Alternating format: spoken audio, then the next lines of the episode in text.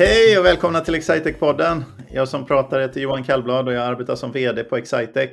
Och vi på Excitec är ett IT-företag som försöker göra arbetsvardagen effektivare och enklare för våra kunder genom att ge dem bästa möjliga IT-stöd för sin verksamhet. Och eh, på den här podden så brukar jag och Frida Widesjö eh, samtala med kollegor eller samarbetspartner och någon gång ibland har vi väl haft med någon kund men framförallt vill vi berätta lite grann om livet på Excitec och människorna som arbetar här. Och eh, Frida, du är ju med, men du är bara tystare och tystare i inledningen känner jag, men du är ju med precis som vanligt.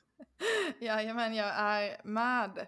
Och eh, vi har ju, eh, vi lovade ju förra avsnittet att vi skulle ha med lite kollegor som har, har jobbat ett tag. Eh, men det får vänta lite. För idag har vi med oss en gäst, men du har ju ändå jobbat ett, ett ganska bra tag. Du är inte helt ny. Sofia, välkommen! Tack så mycket! Hur länge har du jobbat på Excitec? Ja, vad blir det nu? Jag kunde ju boka min eh, spruta nu nästa vecka, så då måste det vara fem månader tror jag då. Man, kan, eh, man får räkna utifrån sånt nu i pandemiår. Just det. Så jag tror eh, i februari så har vi då vårt avslut på traineeprogrammet. Mm. Så då är det i en pandemivåg som du har jobbat, för vi är väl, eller vad är vi, är det fjärde vågen? Kommer du ihåg? Tre, första, andra? Första vågen var ju eh, Nej, jag kommer inte ens ihåg. Första Nej, man har tappat räkningar nu. Det är många omgångar. Många vågor. Men var det inte någon som sa att det var så 17 vågor på spanska sjukan eller någonting i den stilen? Oj, men det, det tycker jag inte vi ska... Så, då, då går vi vidare. Eh, men Sofia, du har gått traineeprogrammet, eller du är ju precis inne på sluttampen. Vad, vilken inriktning har du landat in på? Jag har hamnat in på Visma Business. Vi har ju nog haft en liten sån Visma Business-strejk här nu på eh, podden. Mycket olika, både mentorer och traineer och även Axel Endoff var med nu Absolut. senast tror jag. Just det, det blir ju så eh, för oss lite grann, för vi kommer på oj, vi har glömt bort det där. Och sen så får man nominera sina kollegor, någon man vill ha med, och då har det en tendens att bli flera i rad. Vi skulle kunna shuffla runt de här avsnitten, men då skulle de inte... De blir lite tids... Eh, man pratar liksom, det, du vet, om en månad så kommer ju ingen komma ihåg det här med, med pandemi. Exakt. Det känns väldigt daterad. Det, det blev för daterat att göra så helt enkelt. Yep. Men, eh, men Sofia, vad, hur, var det, hur kom du in på det här spåret från början? Hur hittade du till Excitec? Eh, till Excitec, det var ganska roligt faktiskt, för jag satt under min magister eh, och valde att inte söka jobb när alla andra sökte där i början av vintern. Utan jag ville mer fokusera på min magisteruppsats. Och sen så var någon gång på våren så satt jag och skulle igenom eh, trainee-guiden tror jag på internet och eh, såg Excitex. Så jag tänkte att jag går in på Instagram och kollar. Och då var det faktiskt Instagram som gjorde att jag blev jätteinspirerad till företaget och kulturen. Ja, precis. Eh, Frida satt och vevade lite med armarna i luften där. Ehm, ja, men det, är, det... Kul, det är faktiskt kul, kul att höra för att eh, det är lite roligt med sådana här sociala medier och att göra olika satsningar inom marknadsföring. För det tar ungefär ett år innan det faktiskt man börjar höra så här, ja men det här var anledningen eller det här, det, det krävs ett visst engagemang under en viss, viss tid innan det faktiskt börjar hända någonting. Så kul att det faktiskt började ge lite resultat. För det var ju ungefär ett år innan du började som vi verkligen satsade på att visa vilken fantastisk arbetsvardag vi har väldigt systematiskt på Instagram. Eh, att låta traineer eh, visa och hålla i kontot helt helt organiskt och helt ofiltrerat från marknadssida som, eh, eh, som man får se. Mm. Ja men exakt, jag tror det ger nog väldigt mycket. Jag, jag tycker ju uppenbarligen att det gav väldigt mycket för att det var ju en av de stora anledningarna till att jag verkligen ville in då på Exactech. Mm. Um, men du, en så... sak, jag, jag funderar på det här med att kännas, är du så ofiltrerad nu Frida? Nu hakar jag på fel spår här. Men, men en för vi gör ju det, vi bara kör ju. Eh, och egentligen samma i mångt och mycket med den här podden. Det är någon gång ibland får du, får du klippa när jag gör någon utfästelse om senaste kvartalet har gått till exempel innan, innan vi har uh, släppt vår kvartalsrapport och sådär. Mm. Eh, ibland så har väl du eh, klippt, men eh, vi försöker ju klippa väldigt lite och planera väldigt lite för vi vill ha en, eh, den här liksom, naturliga nerven Eh, på något sätt i, i, det hela. Men jag undrar om det går att förställa sig. På Instagram till exempel, du kommer du ihåg de här filmerna som jag gjorde för några år sedan? Det gjorde vi också sådana här. är en härlig konsult på väg till sin arbetsvardag och mm. här är kaffemaskinen och så är det med någon sån här härlig köpt stockfoto med typ av musik. Fast det vad det nu heter, med någon sån här piano, klink eh, mm. i bakgrunden, så här licens, royaltyfri eh, musik och så kör man de där videorna. Jag vet inte om någon annan än på en marknadsavdelning har orkat titta igenom en hel sån här film, även om de bara är 90 sekunder. Vet du vad, jag pratade faktiskt med en ny kollega som började i konsultprogrammet, Fia heter hon. Hon började ju nu i måndags förra veckan. Och anledningen till att hon sökte till Excitec var filmen med Mats Stegeman som var exakt den filmen. Uh, för att hon kände en väldigt varm känsla och att det var väldigt så här prestigelöst och sådär. Uh, och jag tror att bara, bara att se en sån sak gör nog inte att man faktiskt liksom väljer att börja på ett företag. Men den känslan de fick i filmen förstärktes när hon sen träffade oss på riktigt.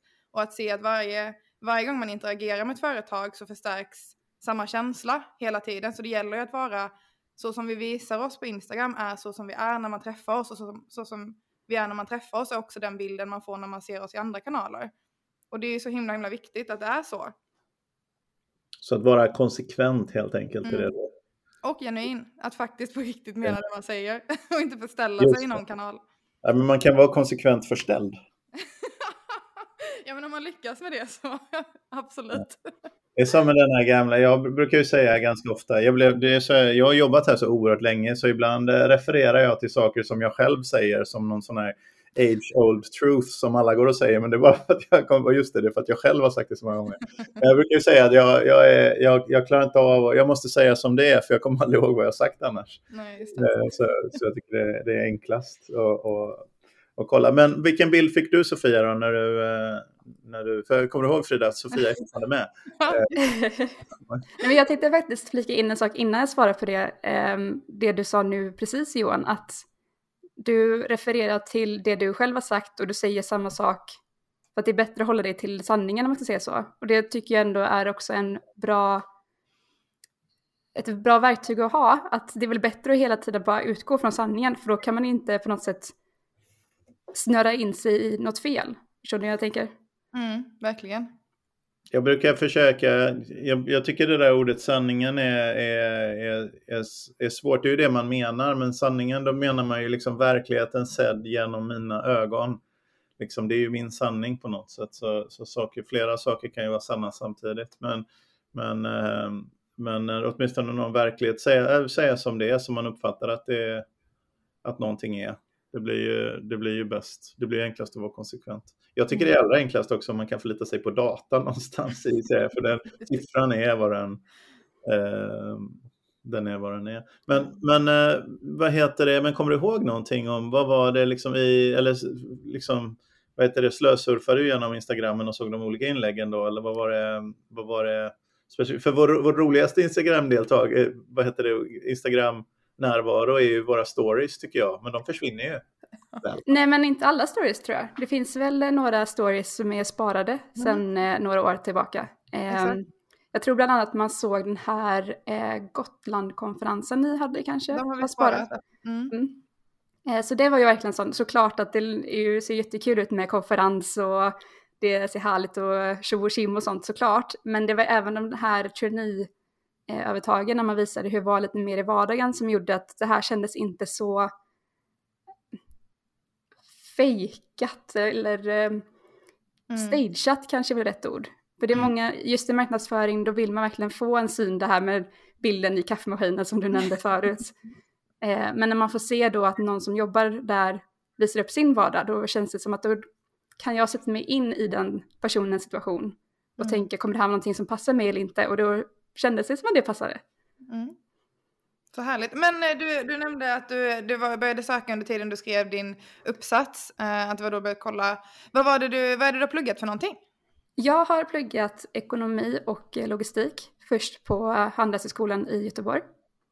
Eh, sedan så gjorde jag en eh, mas, magister heter det, i eh, entreprenörskap, ledarskap och eh, change management.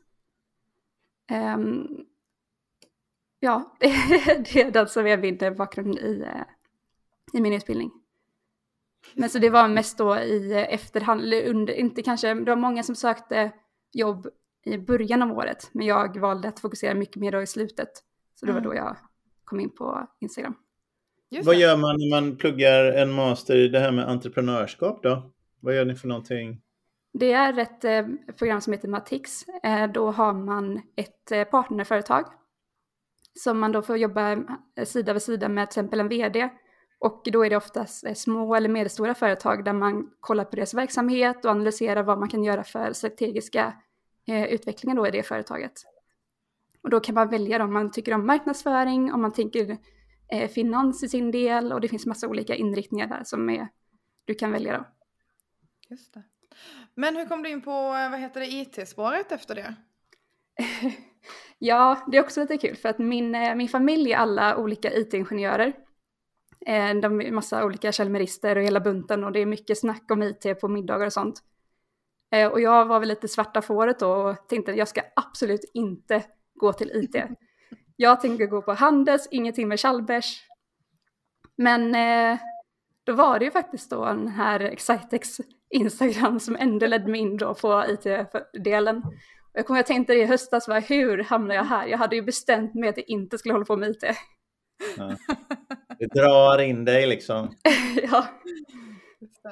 Men vad heter det, eh, hur är det med ehm, eh, att jobba med Visma Business? För visst kan man vara inriktad på både logistik och ekonomidelar i, i det? Är du mer ja. inriktad på logistik i och med att det är det du har pluggat?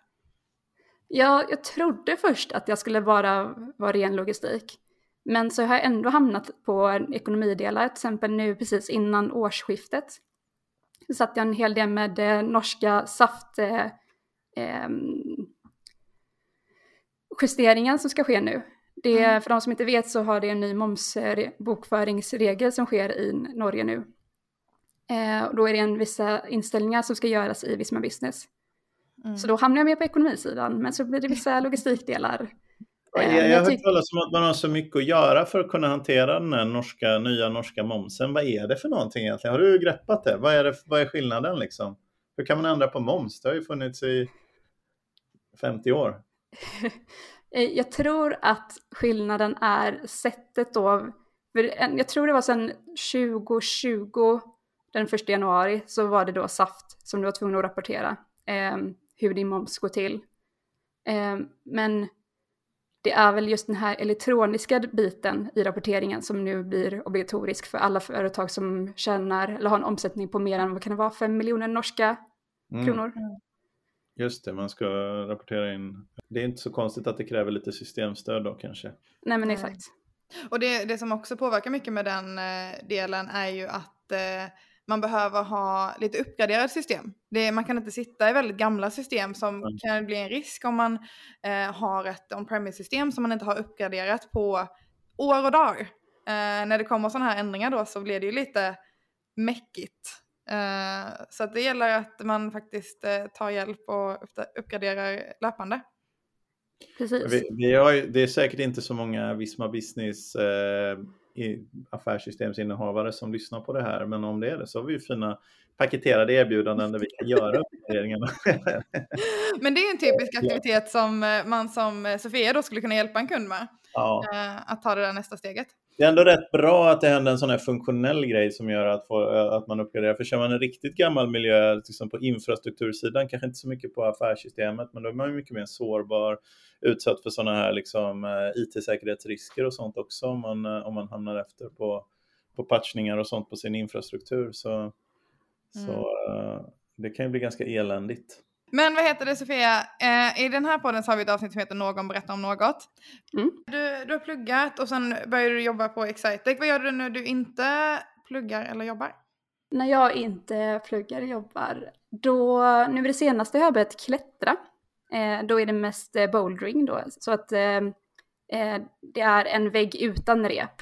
Många gånger så ser man de här som är jättehöga, kanske 10, 11, 12 meter.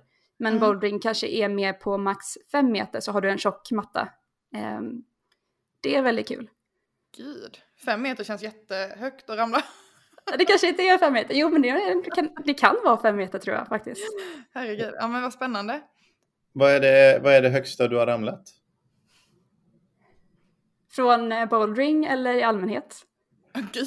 Ja, ja, jag, tänk, jag, jag bara tänkte att uh, bouldering var det högsta, men uh, okej, okay, vi kan ta både och då. Ja, nej, då är det faktiskt inte bouldering, för jag har, um, dels har jag hoppat bungee jump och då tror jag det var på en uh, meter kanske. Eh, och sen beroende på om man räknar då att falla ur ett flygplan som är, är parachuting, då blir det ännu högre eh, på några mm. tusen meter istället. Har du hoppat fallskärm? Det har jag. Oj, det är en liten adrenalin Definierar du dig som någon form av liksom extremsportare här? Jag tycker alltså inte extremsportare, för då tänker jag många som håller på med det, klättrar ut i bergen och gör massa olika jättefarliga grejer. Jag gör dem mer lite utspridda lite då och då när det börjar bli tråkigt i livet. Så kan man ta och hoppa mm. lite bunjump sådär. Adrenalin-junkie alltså? Mm. Ibland. Mm, Okej. Okay. Vad är det minst farliga du gör och ändå får adrenalinkick av? Det skulle jag kunna intressera mig för. jag har eh, fått ett eh, nytt intresse nu under eh, corona. Att vilja laga mat som då ska vara vegansk men som ska likna vanlig mat. Och så testar jag det på min sambo och ser hur han reagerar. Det blir lite adrenalin där, om han kommer rata det eller älska det. Jag tänker att något som är väl inte alls farligt och som, ger en lite, som är lite skönt, det är, som är underskattat, som man får återuppleva när man får barn igen. Men det, är, det är att gunga i, i gungor. Eh, det, och hur det kittlar i magen och sådär. Det är ganska härligt. Det, det gör man ju sällan som vuxen annars. Men man, man kan göra det. Med... Har du testat detta nyligen Johan, som du vill dela med dig av? Ja, men har man en, en, ja, en åttaåring börjar bli lite för stor, men för några år sedan eh, när min mm. åttaåring var var fem eller fyra, då fick man gunga lite grann. Nej, för jag gillar inte, jag, jag tycker så här farliga saker är lite, lite farliga. läskigt. Så det är lite farligt. Fram till för några år sedan så sa fallskärmshoppare att ja, men det är helt ofarligt, fullständigt ofarligt. Men nu har vi ju haft några stycken superhemska sådana här fallskärmsplansolyckor, mm. så jag tror inte man säger det just nu. Nej, um, så är det. Ja, men... Jag tycker lite. Eh, jag hade nog inte, jag, jag, hade nog inte hört talas om bouldering, men alltså det, är det en inomhusaktivitet, för säga tjocka mattor, då gör man det inte utomhus. Eh, nej, precis. Eh, du skulle ju, om du känner dig äventyrsfull, hitta någonting att klättra på utomhus såklart. Det blir väl tekniskt sett bouldering också då. Eh, men, man gör det utan, utan rep och utan säkerhetsgrejer då. Men hur går det till? Är det sådana här klättergrepp och sånt som det är på Ja, men tänk dig lite som en lekplats när man har sådana här olika grepp. Så det är mm, en hel, där jag klättrar då i Kviberg i Göteborg.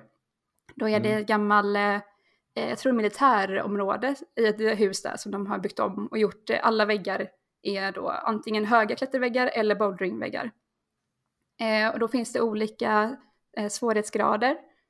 Eh, och eh, du får lita på dig själv att faller du så jag hoppas du att du landar mjukt. Mm. Vilket ja, man gör. Det är jättespännande. Sofia, jag tycker att du borde föreslå det här som en AV-aktivitet. Jag tycker det var jättespännande att testa på.